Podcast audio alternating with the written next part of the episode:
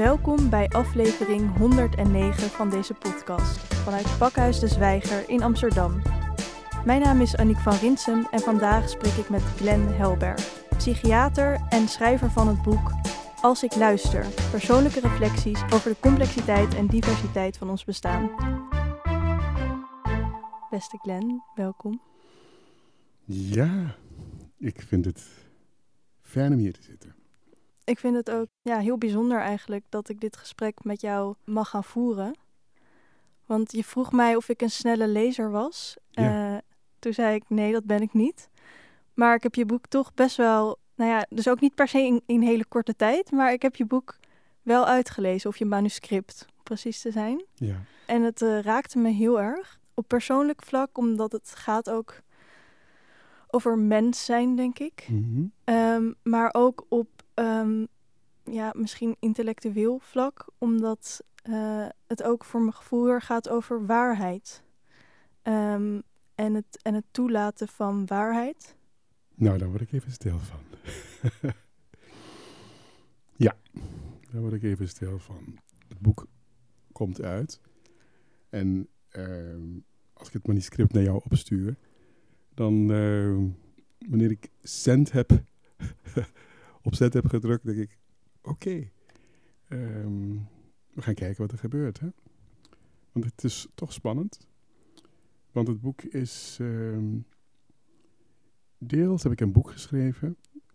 waarvan ik dacht. Ik spreek met de ander. Maar ik kan niet met de ander spreken vanuit.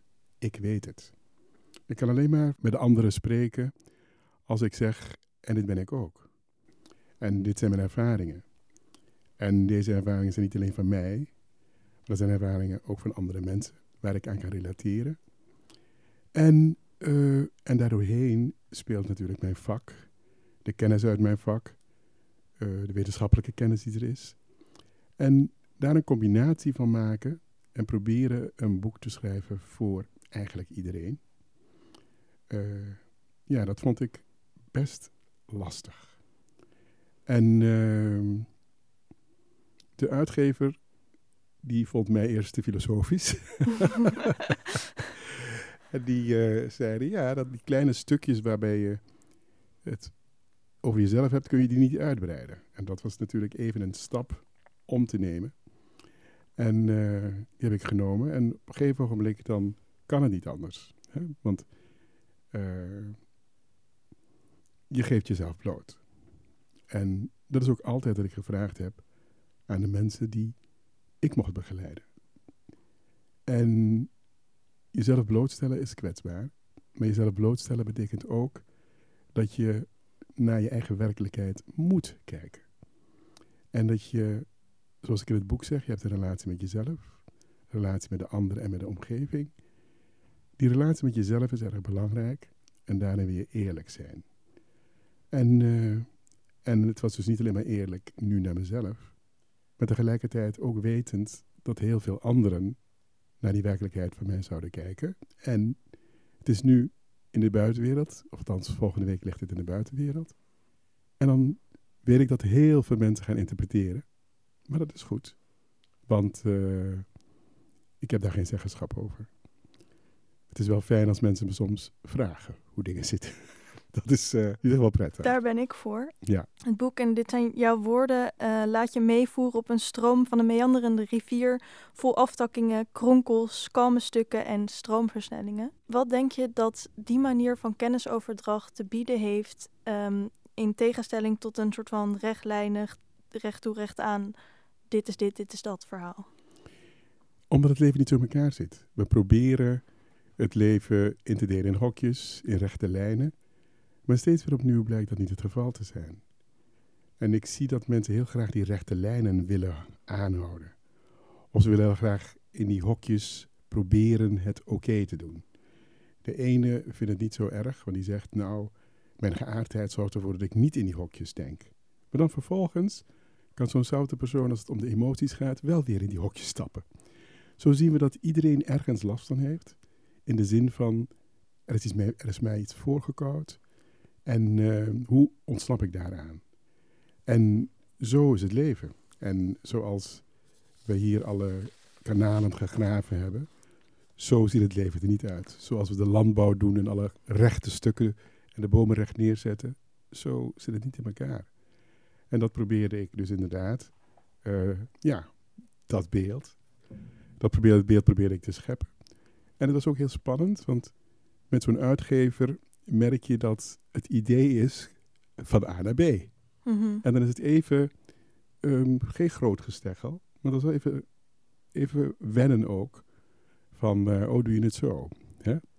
En uh, ja, en uiteindelijk als je elkaar daarin vindt, uh, dan is dat alleen maar heel prettig. En, en hoe wist jij wat je moest doen? Of welke vorm je het wilde geven? Of hoe je dit ging opschrijven? In eerste instantie is het ook een beetje mijn geest. Hè? Als ik les geef, dan uh, denk ik soms, ik moet al die dikke boeken van al die ja, geleerde mensen eerst lezen voor ik dat onderwerp ga behandelen. En op een bepaald moment heb ik het anders gedaan. Iedereen heeft een moment van inspiratie. En mijn moment van inspiratie is opstaan morgens, onder de douche staan en alles wat op dat moment in me opkomt, opschrijven. Onder de douche.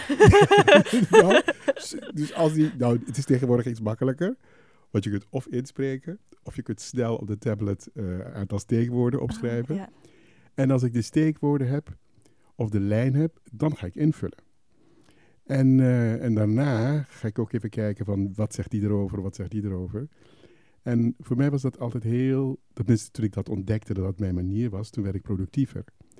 Want uh, dat andere, uh, eerst kijken wat anderen zeggen, op een stoel, achter de computer, dat lukte mij niet zo goed. En dit boek is eigenlijk tot stand gekomen door een vraag van heel veel studenten. Steeds weer opnieuw. Als ik les gaf, en waar is dat boek? We willen het kunnen nalezen. Um, de studenten gaven mij altijd de indruk dat ze erdoor geraakt waren. En, en dan voelde ik wel een verantwoordelijkheid. En een collega van mij, Kitlin Chinaji, die zei, en uh, Glenn, dat boek moet komen. Hè? En na zomergasten, toen ik dat gedaan had, toen benaderden drie uitgeverijen mij. En dat betekent op dat moment, nou, of je nou wil of niet, nu moet je. En toen moest ik al mijn onzekerheden opzij zetten. Maar ik dacht wel, de manier waarop het boek tot stand komt, moet wel zijn um, de manier waarop ik denk, de manier waarop ik leer, de manier waarop ik creatief ben. En uh, omdat ik gemerkt heb in het dagelijks leven dat dat de studenten aanspreekt. En dat ze niet in slaap vallen. Want dat is belangrijk. Ik vond altijd de verantwoordelijkheid als ik uh, met mensen bezig ben. De mensen hebben, doen moeite om naar mij toe te komen om te luisteren. En dan moet ik moeite doen om ervoor te zorgen dat zij geprikkeld blijven. Ja, je zegt dat, um, dat dat dus achter je computer zitten en dan heel erg gaan nadenken um, niet werkte. En um, op zo'n moment dat je dan in de douche staat, werkt het wel. En daar zie ik ook een lijn met de inhoud van je boek. Op een bepaalde manier zijn er echt wel ideeën over wat goed is en wat fout is en wat meer waardevol is ja. en wat minder waardevol is. Ja. De ratio staat boven de emotie. Ja. Uh, de, het licha het, de geest staat boven het lichaam. De man staat boven de vrouw. Ja. Het uh, westen staat uh, boven De rest de, van de rest, van de wereld. Ja. nou ja, voelde je dat ook zo? Dat je eigenlijk wel ergens een beetje het gevoel had... ik moet eigenlijk wel achter mijn computer zitten... en ik moet eigenlijk wel uh, gewoon boeken erbij pakken... En, uh, en een rationeel betoog gaan schrijven. Precies, en dat is de strijd, want ook ik ben op die manier opgevoed. En, uh, maar het is heel belangrijk om te zoeken um, in deze wereld wie jij bent, wie ik ben. En andere mensen kunnen vertellen, zo zit het in elkaar. Maar ik denk dat voor iedereen de opdracht is, met alles wat we hier leren, um, klopt dat voor mij? Als het bijvoorbeeld gaat over geaardheid, dan zeg ik dat heteroseksualiteit ook een geaardheid is ten opzichte van de geaardheid van queer mensen. Alleen is het zo dat die heteroseksuele mensen die komen in een wereld terecht waarin het schabloon veel beter past. Hun geaardheid past veel beter bij het schabloon. En dan lijkt het klaar. Queer mensen hebben problemen, want het schabloon is, niet in orde. En eh, heteroseksuele mensen, het schabloon zit prima in orde, kunnen zich gaan aanpassen en daarmee is het klaar. Maar wat merk ik? Ook hetero's hebben een coming out. In welke zin? Om zichzelf te worden. Mijn boek gaat steeds over in een menselijke relatie, hoe word je jezelf? En als je als hetero persoon in deze wereld komt en men zegt, zo moet je je gedragen. Zo gedraag je je in bed, zo gedraag je je op straat, zo gedraag je op het werk, zo gedraag je je als een ouder. Dat betekent dat je in een mal wordt gestopt en pas jij in die mal. En de mensen die hetero zijn en zich heel goed houden aan zo'n mal, die merken heel goed waar het wringt. En soms, en dat heb ik letterlijk gehoord, zijn er mensen die bijvoorbeeld zeiden, die homo's hebben het maar makkelijk. Ze hoeven zich nergens aan te houden. En dat is natuurlijk de manier waarop zo'n persoon het ziet. Mhm. Maar dat geeft wel aan hoe, als je zegt, zo moet het en zo hoort het, dat iedereen aan het zoeken is, hoe zit het bij mij? En in dit boek probeer ik steeds die vraag te stellen, hoe zit het bij jou? Hoe verhoud jij je bijvoorbeeld tot je ziel? Hoe verhoud jij je tot je identiteit? Hoe verhoud jij je bijvoorbeeld tot de geschiedenis? Dat zijn zaken, verhouden tot, zijn voor mij hele belangrijke zaken. En het mooist vind ik de woorden die via het humanisme tot mij gekomen zijn. De mens is fundamenteel relationeel. Ik kan het woord bij fundamenteel, kan ik elke keer weer opnieuw ja, ontroerd, verrukt of wat dan ook raken. Want dat is wel het fundament van ons zijn. Dat we continu in interactie zijn. En dat ons realiseren dat om een relatie te creëren, die interactie eraan vooraf gaat. En die interactie, daarvan willen we leren hoe brengen we dat tot stand zodanig dat we een wereld, een privéwereld, een microwereld creëren of een meso, waarin wij zeggen, ja, dit is, dit is fijn. Hier voel ik me rustig. Of hier zijn de momenten waar ik me gelukkig voel. En dat is blijkbaar elke dag werken. En soms als ik met de mensen mee mag werken, als ik probeer iets uit te leggen over dat fundamenteel relationele, dan zeggen ze in eerste instantie, wat vermoeiend, moet ik daar steeds aan denken. en het is niet vermoeiend. Als je je bewust bent van hoe je continu de wereld aan het creëren bent. En welke rol je daarin speelt. En welke verantwoordelijkheid je kunt nemen. Of welke verantwoordelijkheid je bij de anderen kunt laten. En dan kom je veel minder in woorden terecht als, als waarom moet mij dit overkomen? Of waarom gebeurt mij dit altijd? Op het moment dat je die woorden uitspreekt, waarom gebeurt mij dit altijd? Ik zeg dan, verhoud je tot die woorden. Want het woord zit er in mij, altijd. Misschien doe je iets waardoor je in een patroon zit. En misschien kun je dat patroon veranderen. En patronen veranderen kost tijd. Ik zeg altijd kilometers maken. Of vlieguren. Het is werken. Dus als het, als het veel klinkt, het kan als veel klinken, maar het geeft, het geeft ook een beloning. Want het is niet zo dat je naar dat eindpunt toe werkt en dan ben ik er. Je bent op weg. En in dat op weg zijn naar dat te leren, leer je heel veel. En mensen willen heel graag naar een eindpunt toe. En als jong, jongen leerde ik al dat het niet zozeer het eindpunt is, maar de weg die je bewandelt. En op die weg zijn er zoveel ervaringen waarvan je kunt leren. En neem de tijd om daarvan te leren. Ja, dat de wereld zich eigenlijk een soort van, in ieder geval onze maatschappij, zich aandient als dus inderdaad een vaste set aan regels eh, en hoe dingen werken. En dat je misschien voorstelt van elk moment is er een opening om het her te definiëren. Eh, iets waar mensen zich eigenlijk helemaal niet van bewustzijn, of misschien dat wel voelen dat het zou kunnen, maar dat eh, eh, wegduwen. En dat het ergens misschien makkelijker lijkt om er niet mee bezig te zijn, dat het vermoeiend lijkt om er wel mee bezig te zijn, maar dat het ook wel iets, iets, iets doet wat niet goed of niet fijn voelt met je als mens als je, als je er niet mee bezig bent. Om niet naar jezelf te luisteren. Je zei het heel mooi. Elk moment biedt de kans voor een opening. Wauw, dat is zo'n mooie zin. En ik betrap me er zelf op. Denk ik dat ik dan verandering wil, hè, uit een patroon wil stappen. En dat ik inderdaad daarmee bezig ben. Van dat elk moment, ik heb nu de kans om het anders te doen. En uh, ja, maar dat is wel ongelooflijk waar, maar het lukt me niet altijd. Snap je? Nee, mij ook niet. Nee, maar het is wel belangrijk om het te weten.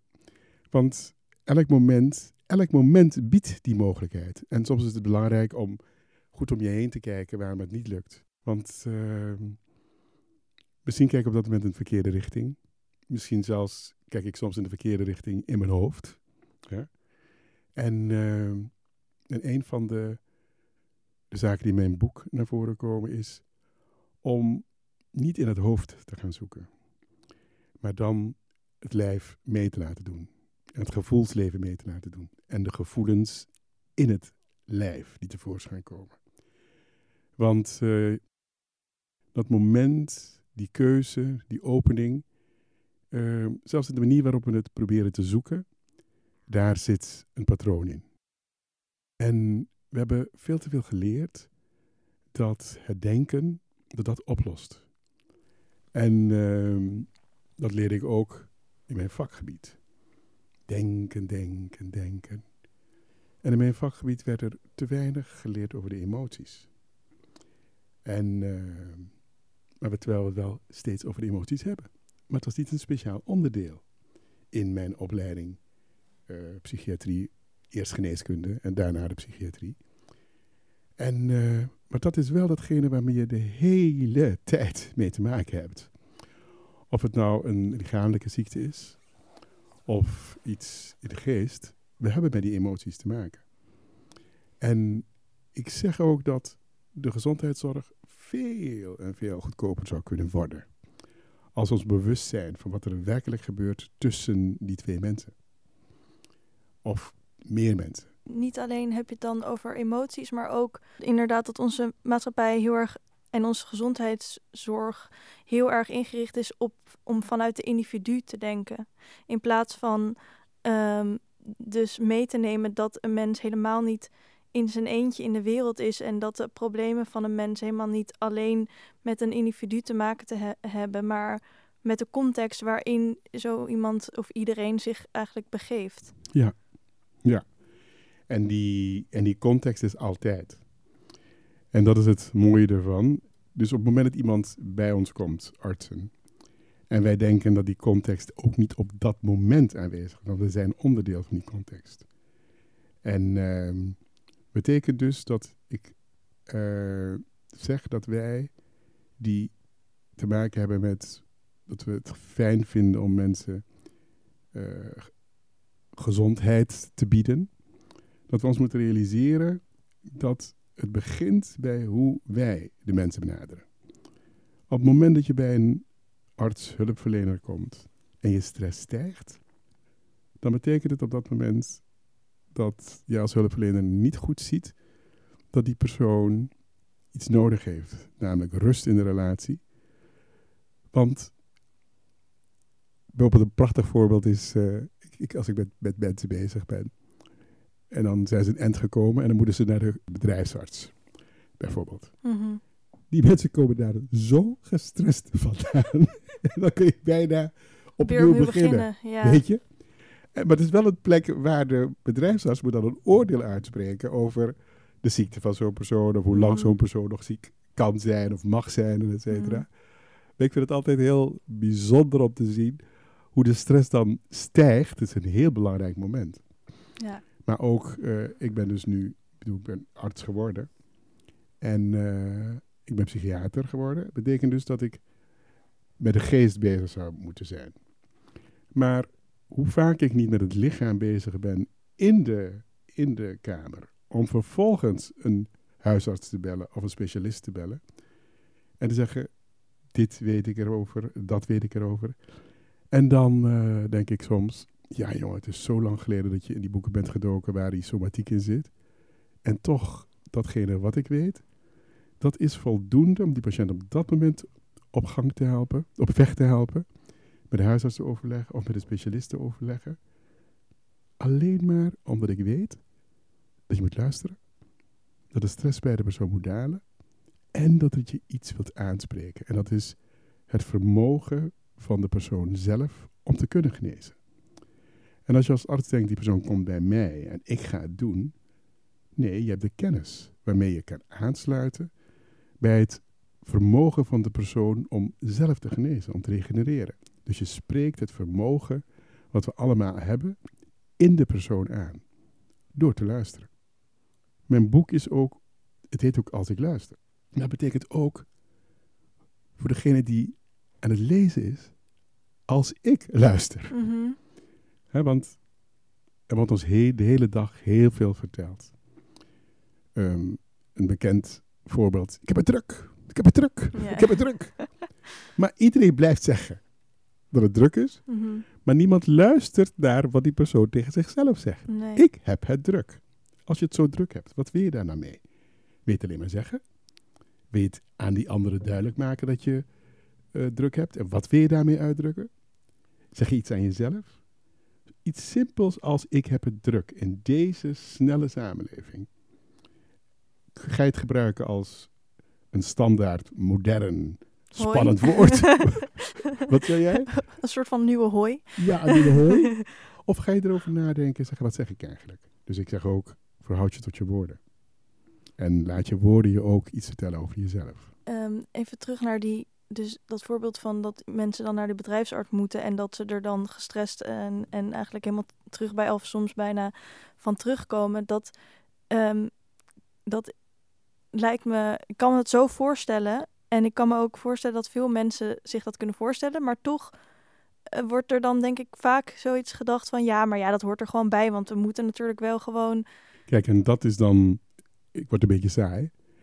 Dat is nou weer zo'n woord. Dat hoort er gewoon bij. Waarom?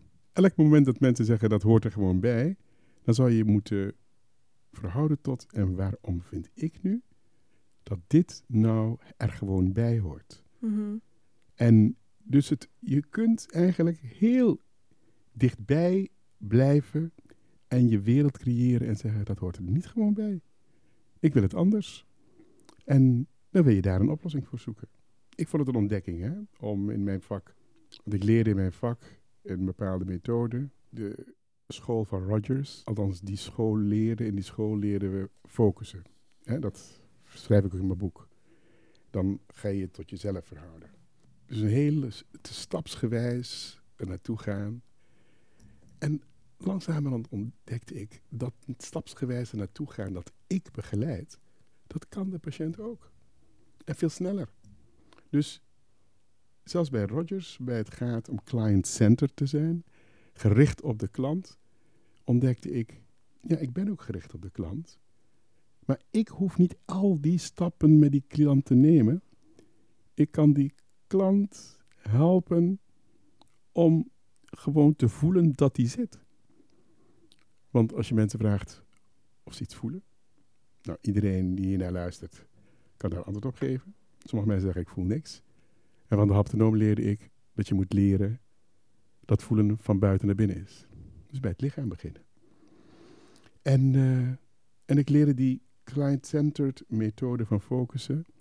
Wat een prachtige methode is, een uitgebreide methode. En ik adviseer het mensen om daarin te duiken. Maar er is ook een manier van werken waarbij de mensen lichaamsbewustzijn geeft. En mensen dat, ja, geef het ze niet, maar dat ze dit uh, zich bewust worden. En dat er een snellere manier ontstaat om te komen bij jezelf. En dan zeg ik, dan kun je alles gebruiken. En daarbij gebruik ik ook de productie van je lichaam, bijvoorbeeld de woorden. Want door je woorden al uit te spreken, is er bewustzijn. Of als je deze woorden uitspreekt, wat doen ze met je? Is al een manier om bij het lichaam te komen. Of als je deze woorden uitspreekt, waar voel je dit? En soms is het voor mensen in het begin wat raar. Maar op een bepaald moment gaan mensen erop varen. Want dan merken ze dat dingen die heel moeilijk lijken, op het moment dat ze de wijsheid van het lichaam gaan gebruiken, dat dat uh, heel veel geeft. Wat ik heel mooi vind ook aan jouw boek, is dat het dus laat zien dat meerdere aspecten uh, van iets uh, in het licht brengen, niet één van die waarheden minder maakt. Juist. Maar juist heel erg kan aanvullen. Ja. Um, ja. Dat vind ik, dat, dat noem je een, een groot onderwerp waarvan bijvoorbeeld spiritualiteit, maar ook dus dat je lichaam uh, aandacht nodig heeft verdiend. Het relationele, contextgebonden, allemaal zaken die, die in het licht komen, die dus niet tegenspreken dat we ook uh, rationeel dingen moeten, maar daar gewoon iets aan toe willen voegen. Ja, dan komen we bij dat, dat mooie woord dat jij in het begin gebruikte. Um, dit boek gaat over waarheid. En het is fijn dat we nu daarop komen. Want de luisteraar kan denken dat ik dan op dat moment het, het over waarheid ga hebben. Maar dit is dus wat waarheid inhoudt. Dat zaken uit elkaar bestaan. Dat het ene niet boven het andere staat. En dat uh, we bereid willen zijn om te luisteren of te kijken naar de verschillende aspecten die creëren en een waarheid creëren. En, uh, en inderdaad, ik ga niet veel verklappen van het boek, hè? want dat hoeven de mensen niet meer te kopen en te lezen. Maar dat, dat, dat uh, toen ik op een bepaald moment in het boek op um, de kennis kwam van wat waarheid zou in kunnen houden en waar kennis allemaal vandaan komt. Ja, op zo'n moment als ik zo'n ontdekking doe in mijn leven, dan word ik daar zo ongelooflijk blij van. En vanaf dat moment begon ik bepaalde lezingen met de kennis die we hebben komt uit het noorden, het oosten, het zuiden en het westen. En van boven en van beneden. En elke keer als ik dat zeg, voel ik een soort van samenballing van waarheid. Want ik weet niet precies wat, wat er allemaal in al die, al die richtingen, maar ik weet wel dat dat het is. He, want de mensen groeien gewoon in andere omstandigheden op. En daar ontstaan andere waarheden. En die bij elkaar, ja, die creëren iets waarvan we zeggen: Oh, nu beginnen we een beetje te snappen waar het over gaat. En ik zeg ook een beetje. En uh, degene die ik het boek opdraag, Percy Wenners, de psychiater waar ik uh, mee ging samenwerken. En Percy, die, uh, die zei altijd: Glenn, Vele mensen weten niet, en hij zei het op die manier, hij heeft het van een van onze oude denkers. Er zijn maar weinig mensen die weten hoeveel ze moeten weten om te weten hoe weinig ze weten. Dus Percy leerde mij, jongen, er is zoveel kennis. En dan kwam ik bij mijn opleider of mijn, mijn supervisor, Percy dus. En dan zei ik, Percy, ik heb dat en dat met die patiënt en ik weet niet hoe het moet. Uh, en ik dacht, Percy weet alles. nou, ik kon die zin om. Eerst kon ik die zin krijgen hè, van. Uh, er zijn maar weinig mensen die weten. Maar ik kreeg ook een andere zin. Hij zei: Glenn, ik weet ook niet waarom onze lieve Heer die mensen zo heeft gemaakt. Nou, ik kon des duivels worden, Percy. En uh, hij leerde me wel: ga gewoon in het veld staan. Ga naar die mensen luisteren. En uh, kom me niet gelijk vragen. Want dit vak is niet het vak waar je zomaar de antwoorden vindt. Het vak zit in het contact met die mensen en samen zoeken. En misschien ook in het niet weten. Absoluut. Absoluut. En je mond houden. ja, absoluut. Het is ook fijn voor mensen soms om te merken dat je samen zoekt. Dat je niet dat. Maar dat geeft ook aan, soms ik ben niet gek. Hè? Dus uh, uh, ik mag het uitzoeken. En, uh, ik ben niet gek dat ik gek ben. Ja, precies. Want uh, dat verhaal, ik ben niet gek dat ik gek ben. Het is zo fijn om daaruit te kunnen stappen. Want soms raken we het spoor kwijt niet door onszelf. maar door die omgeving. Hoe die Ja. omgeving met ons omgaat. Absoluut. Soms op het moment dat je door het leven stilgezet wordt, dat het een moment is, alles wat ik geleerd heb, klopt niet meer. Ik moet opnieuw gaan bedraden. Ja, ik heb ook een, eh, een eh, quote van een denker in mijn hoofd waarvan ik de naam niet weet. Maar dat is: eh, Je moet verdwaald raken om op een plek te komen waar je nog niet bent geweest. Juist, ja. Mooi. Ja, heel mooi. heel mooi, ja. Heel mooi. Dat we onszelf toestaan om die namen niet meer te weten, maar Ja. wel de quote. en dat is vrijheid. En dat we wel creëren met elkaar. Ja, dat is eh, fijn. ik weet niet of je gezien hebt dat mijn boek... Ja, natuurlijk heb je dat gezien. Dat mijn boek ook eindigt met die... Ja, hoe, ma- hoe mag ik mezelf worden? Hè? Hoe mag ik mezelf die vrijheid geven? Het is een gedicht van jezelf. Ja. Goh, ja. ik werd deze week gevraagd door de zangeres, eh Denise Jenna. En Denise Jenna zei, Glenn, heb je gedichten die ik, eh, die ik eh, op muziek kan zetten? En ik heb natuurlijk geantwoord ja. Niet dat ik zoveel gedichten heb, maar ik dacht, Ik heb er wel een paar. en als Denise dit boek leest, dan weet ze van, oh, misschien is dat een eh, gedicht waar ik eh, mijn, eh, waar ze muziek op kan zetten en het zingen. Lijkt me erg mooi. Met haar mooie jazzstem, als ze die, eh, die zou maken. Maar goed. En dat gedicht op het eind, ja, meestal als ik iets wil schrijven, ook gedichten, dan, dan laat ik het ook weer aan hoe het moet. Maar toen dacht ik, ik begin gewoon. En toen, toen was het er. Gewoon heerlijk, in de stroom. Ja, die stroom eh, mogen laten ontstaan. Weet je wat ik niet voldoende gedaan heb in het boek? Dat vind ik wel jammer. Maar ja, op een gegeven moment eh, dat ik... eh, ik werd ook gemaand. Hè? Dus Glenn, het is genoeg wat je nu aan het doen bent. Want ik, ik vind dat ik ook... Ik had moeten beschrijven hoe je je verhoudt tot de tijd. Maar ik had ook... Ik vind ook dat ik veel meer eh, intuïtie had moeten beschrijven. Wat dat betekende. En hoe dat werkt. Kijk, intuïtie, dat vind ik er wel echt in zitten. Het is, het is ehm, dat je soms ehm, kennis had of iets Ja. aanvoelde wat buiten je psychologische kennis omging. En dat je dan niet jezelf gaat afvragen, goh, hoe weet ik dit nou? Maar dat je eigenlijk gewoon heel dankbaar bent dat je het gewoon weet of voelt of, of eh, wat dan ook. Ja, klopt. Nou, die, eh, dat is inderdaad ehm, waar het woord intuïtie op, eh, op, op slaat. En ik wilde eigenlijk veel meer gaan beschrijven wat er allemaal gezegd wordt over intuïtie. Maar natuurlijk staat mijn boek er vol van. En dit is zeker eentje van. Want eh, dat is ook wat, er, wat je creëert met, een, met, een, met iemand in de kamer.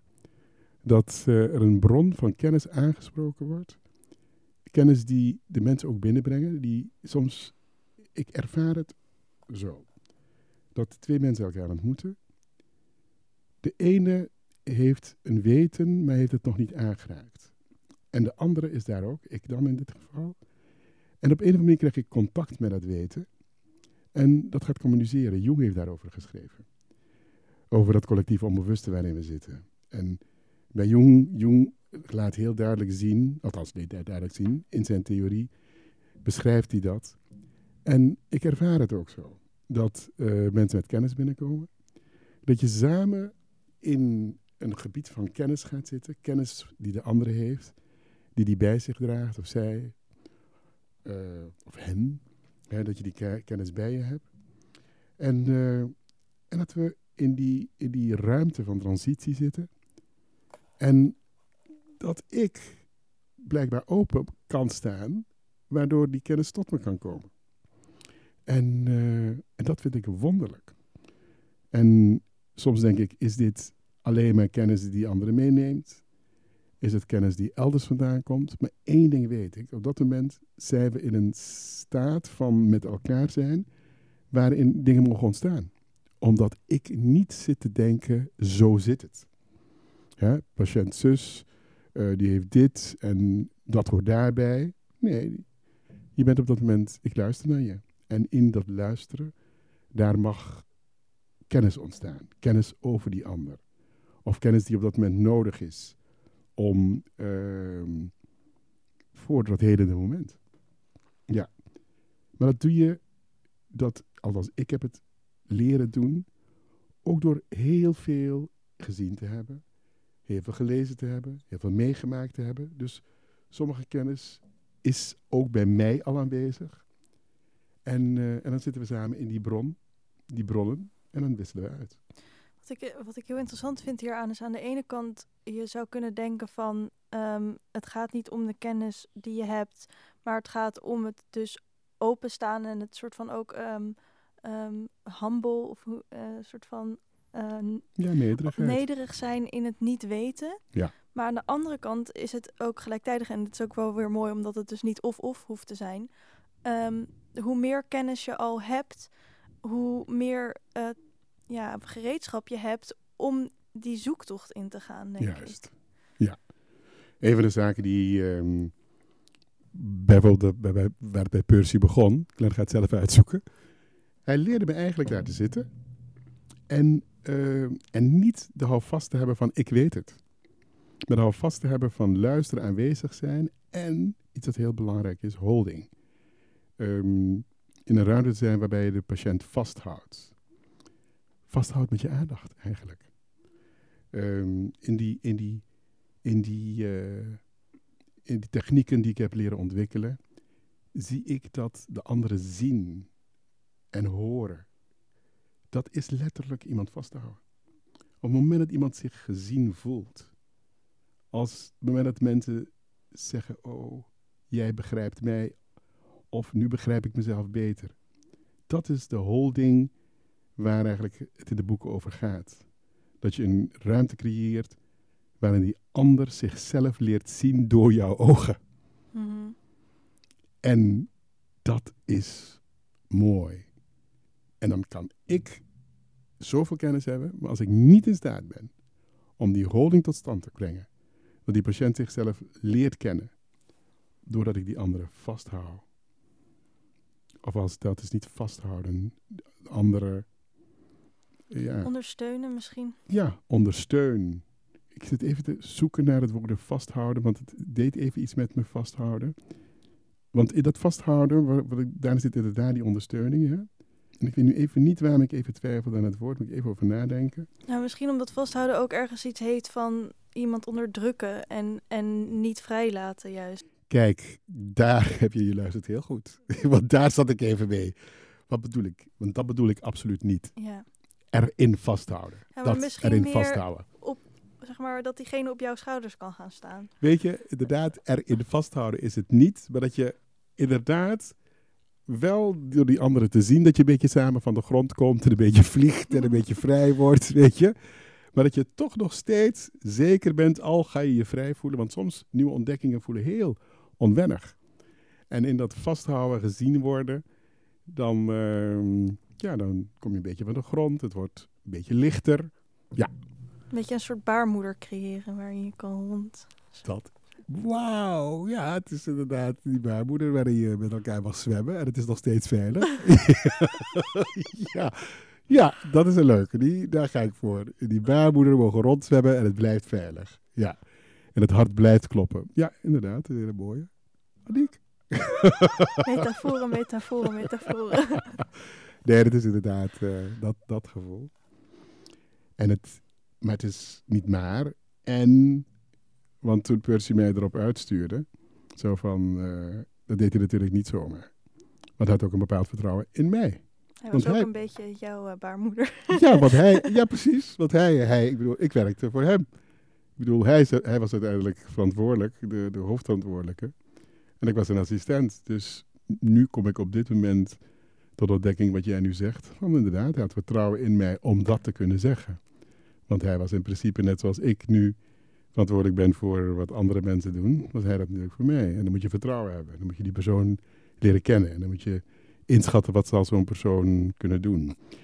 Kijk, dat is nou het heerlijke van praten. Nu ontdek ik weer iets nieuws over zoveel jaar geleden wat dat, uh, wat dat gedaan heeft heb, het is goed dat ik het boek aan hem heb opgedragen. het is heel goed, ja. Waarom denk je dat dit boek een voortzetting is van wat hij jou geleerd heeft? Weet je, in eerste instantie vond ik het heel fijn, dat zal ik je vertellen. Ik vond het heel fijn om zo'n baas te hebben die op mij leek.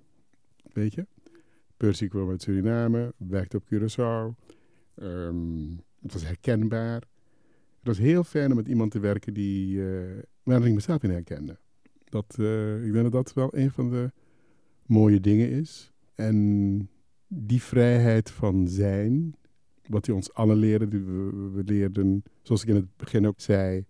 Hij zei van, um, wees met wie je bent, wees een onderdeel van die verandering. Wees een onderdeel van de waarheden die er zijn. En ik denk dat Percy ons daar het toch wel heel goed uh, in heeft begeleid. Ik zou met de anderen moeten spreken. In ieder geval weet ik dat als ik de mensen ontmoet uit het verleden, toen met, samen met Percy, dat we altijd heel warm naar elkaar toe zijn. Omdat het een hele fijne tijd van leren was. Terwijl we verantwoordelijkheden hadden ten aanzien van patiënten. Weet ik dat we het heerlijk vonden dat we in die, in die, in die wij mogen verandering brengen. Wij mogen op een andere manier naar patiënten kijken. Wij, ja, het was een fijn gevoel. En wat mag je, mocht je dan of mag je dan? Nou, in ieder geval uh, mochten we al anders denken dan, uh, dan bijvoorbeeld de, de witte leraren ons leerden over hoe naar gekleurde mensen te kijken. Dat was al verrukkelijk. Uh, je zou bijna kunnen zeggen dat we het activisme van hem leerden. Hè? Terwijl hij het nooit over activisme had. Maar hij maakt ons wel bewust dat we ons vak politiek konden maken. En, uh, een, en wat betekent politiek dan in deze context? In het boek spreek ik heel even over het veranderingsvuur dat we in ons hebben. De politieke energie die we, die we hebben. En um, Percy, die, die uh, wakkerde dat vuur in ons aan. Want je kunt als student of als artsassistent kun je doen wat je gevraagd wordt. En gewoon durven te doen. Want je moet in eerste instantie het vak leren. Maar hij, hij, hij, eigenlijk was het gelijk. Je bent met het vak bezig. Maar wat jij nu doet, heeft betekenis voor de samenleving. Het heeft betekenis voor de levens van die mensen. Het heeft betekenis voor de geschiedenis. Dat bewustzijn was er ook gelijk bij. En, uh, en het speuren van Percy in andere vakgebieden, of althans in andere denkstromen, in andere filosofieën.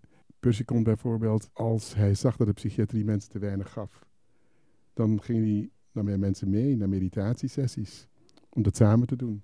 Dus hij, uh, ja, hij durfde. En dat durven om andere paden te bewandelen. Om te zeggen, nu weet ik het niet meer, maar dit misschien wel. Misschien dit, misschien dit jou wel. Dat deed hij. Om te durven uh, op zoek te zijn, op andere plekken te komen. Ja. Op andere plekken te komen dan de dokter die de westerse psychiatrie is opgevoed. En uh, ik had natuurlijk ook kunnen bedenken dat ik verder zou gaan met medicijnen te uit te zoeken. Welk medicijn werkt het beste? Maar goed, die kant heb ik niet gekozen, want ik, vond, ik vind de medicatie belangrijk. Ik zeg ook tegen de mensen die ik mag begeleiden, van als je medicament krijgt, um, hoe kun je je verhouden tot dat medicament? Hoe kun je vriendjes worden met het medicament? Want dat vind ik belangrijk. Ik ben zelf ook een patiënt. En ik probeer met alle medicijnen die ik krijg, die mij in leven houden, vriendjes te worden. En uh, ik heb letterlijk sommige medicijnen niet genomen, omdat ik dacht, nee, dit, dit, dit, dit voelt niet goed. Niet alleen op grond van voeden, maar ook op grond van dingen die ik las. En dan zette ik het naast mijn bed en dan zei ik, nou eens kijken hoe we vriendjes kunnen worden. Hè? En sommige dingen heb ik dan geweigerd. En dat mocht ook, want het was niet strikt noodzakelijk. Want soms zeiden de specialisten, die willen je alles geven om uh, gezond te zijn. En ik zei tegen mijn nierspecialist, zei ik, ik wil wel kwaliteit van leven. En geen kwantiteit. En als ik dit medicament neem, dan merk ik dat mijn kwaliteit van leven achteruit gaat. En een gesprek daarover, dat, uh, en dat is fijn als je dat kan. Als je met elkaar kunt overleggen, want ik vind de kwaliteit van mijn bestaan vind ik van belang. En artsen die dat kunnen doen, ja, die met de patiënt kunnen nadenken en de kwaliteit van, van dat leven van die persoon als ze daarin mee kunnen denken, dan is dat, dat vind ik waardevol. Je, wil, je zegt ook expliciet dat je niet een, een exotische psy- psychiater bent, maar dat je gewoon eh, de aanwezige context erbij betrekt. En, en waarom is dit zo'n belangrijk punt? Ehm, weet je, het zijn benoemingen. In mijn boek heb ik het ook over benoemingen. En eh, op het moment dat mensen me hebben benoemd als exotisch of als ehm, Alternatief. alternatief, eh, luisterde ik naar de woorden. En dacht ik, oh, zo zie je mij. En ik weet nog niet wat je ermee bedoelt, maar in het woord alternatief snap ik iets, in het woord exotisch snap ik iets. En waarom is op het moment dat je de kennis die in de wereld is, als je die bij elkaar wilt brengen om een ander te snappen, waarom is dat alternatief? Waarom is het, als je naar de mens wilt kijken in zijn haar, de totaliteit, waarom is dat alternatief? Dat zijn voor mij dus heel belangrijke vragen. Het betekent dus dat je een bepaald idee hebt over de wereld en dat datgene wat ik doe dan afwijkend zou zijn. Terwijl ik denk, wat ik doe is niet afwijkend. Dat is datgene wat we met al- als allen zouden moeten kunnen doen. Daar gaat het dan op dat moment om. Ja. Dan tot slot, het is misschien een beetje een ehm naargeestig onderwerp om mee af te sluiten. maar je boek gaat ook over de dood. Ja. Ehm, hoe zie jij de dood en, en ehm, hoe ga je goed dood? Hoe ga je goed dood? het is helemaal dus geen eh, eh, ja, zwaar onderwerp om lachen. Dat is het mooiste wat er is. Als je de kans krijgt om goed dood te gaan. In evenwicht dood te gaan. Ja, dat heb ik, dat heb ik in mijn boek gezien. En ook dus de dood en de rouw onlosmakelijk verbonden aan het leven. Als we in ziekte bijvoorbeeld daar ook vrij over kunnen praten. Als de angst niet is, ik ga dood. Maar dokter, als ik dood ga, hoe kun je me helpen dat ik dat op een manier kan doen waarop het bijna liefdevol is? Is het me gelukt in die, het einde, met de dokter of zonder de dokter, om dit zo pijnlijke onderwerp van afscheid nemen? Kan ik daar ook mededogen in aanbrengen? Hoe ben ik lief voor mezelf en voor de ander? Want het moet nu eenmaal. En ik kan heel veel woorden daarover eh, spreken.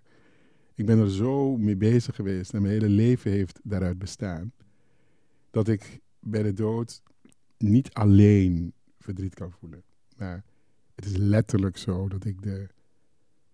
Terwijl ik het zeg, de schoonheid van de dood kan ervaren. Wat is de schoonheid van de dood voor jou? eerste wat in me opkomt is datgene wat onder andere heel belangrijk in mijn leven is geweest. De dood van mijn moeder als dertienjarige. En dat ik nog steeds... eh, dat mijn moeder zo aanwezig blijft in mij. En dat ik in die dertien jaar daarna, dus vanaf mijn dertiende tot nu, dat er nog, ik nog zoveel processen met elkaar mogen meemaken. In, je zou kunnen zeggen, in een andere dimensie van groei. Maar ze was er niet meer. En toch is het mogelijk. Dus eh, er is veel verdriet, natuurlijk. Maar er zijn ook andere zaken. En kunnen we, kunnen we daar naartoe? Kunnen we leven? Dus niet zozeer bij de, met de dood als angstig onderwerp. Maar kunnen we leven tot een belangrijk onderwerp maken? Zodat wanneer we doodgaan, we echt geleefd hebben. In vrijheid. In heelheid. En hoe, hoe kom je daar? Dat is dus die weg die je wilt bewandelen. Om elke keer weer een stukje te ontdekken. Hoe je in elke levensfase, eerste kwadrant van het leven tot 25, tweede kwadrant tot 50, derde kwadrant 75, het vierde kwadrant tot 100, zoals ik dat in mijn boek beschrijf. Dat je in elke, die, elke levensfase ontdekt wat het leven daarin is. Hoezo ben je bang om 50 te worden. Het is toch een geschenk. Hoezo is het, vind je het erg om oud te worden? Het is toch een geschenk. Kunnen we niet daarvan genieten? In plaats van te denken dat we oud worden. Dat willen we toch allemaal? Dus kunnen we ook proberen de schoonheid van het leven te zien. Want zelfs in die pijn zit schoonheid. En dan praat ik niet, dit is niet iets romantisch. Want ik heb de dingen waar ik het over heb in mijn boek, heb ik ook meegemaakt. Dat het over de dood gaat of over pijn gaat. En toch heb ik ontdekt, bijvoorbeeld tijdens het schrijven van mijn boek, toen ik een, eh, met een gebroken knie thuis zat. Maar dat ik van tevoren, dat is zo mooi, dat, je, dat ik dan, dan was die knie bezig te helen na de operatie. En dat ik dan in mijn onderbewuste contact had met die knie. En dan, volgens mij kan ik dat vandaag alweer. Dat is alweer mogelijk. Want dat was gewoon communicatie in mijn lichaam. Want ik lette op mijn lichaam. Ik had ook naar bed kunnen gaan. En ik denk, potverdorie, waar is dit mij weer overkomen? En dan zit ik weer met een knie die kapot is en dat kan ik juist nu niet gebruiken. En het is corona en nou ja, weet je, kun je ook doen. Maar dat ik het wonderen kan zien van een knie die aan het genezen is en het lijkt alsof je dat helemaal niet kunt merken. En dat ik kan s'morgens vroeg in, die, in, die, in, die, in, die, in dat bewustzijn van tussen slapen en wakker worden dat ik contact maak met die knie en opeens merk ik, hey, volgens mij kan ik dat vandaag wel. En dan word ik wakker en dan ga ik, dan ga ik voelen, ja, het kan. Nou, dat is wonderschoon. Wonderschoon. Ja. Het is ook ergens dat de dood, als je het leven vergelijkt met de dood, dat je dan, um, dat het duidelijk wordt dat er zoveel mogelijk is als je leeft. Precies. Die grote mogelijkheid. Aniek, dat zeg je echt goed. Het gaat over al die mogelijkheden die je jezelf kunt uh, ontdekken. En daarvan kunt genieten. De mogelijkheden. Ja, ik vind dat je dat heel mooi uh, pakt. Een compliment, echt. Dat vind ik, maar daar gaat het om. Blij worden van de mogelijkheden die we als mens hebben. En onszelf niet reduceren. Er zijn veel meer. Dat is niet makkelijk. Leren, kilometers maken. Vlieguren. Vlieguren. ja, vlieguren. Heel veel dank, Glenn Helberg. Ah, met jou bedanken. Beste luisteraars, dit was aflevering 109 van de podcastserie van Pakhuis de Zwijger. Wil je meer weten? Kijk dan op dinsdag 14 september om 4 uur naar de boekpresentatie van Als ik luister via de zwijger.nl slash live.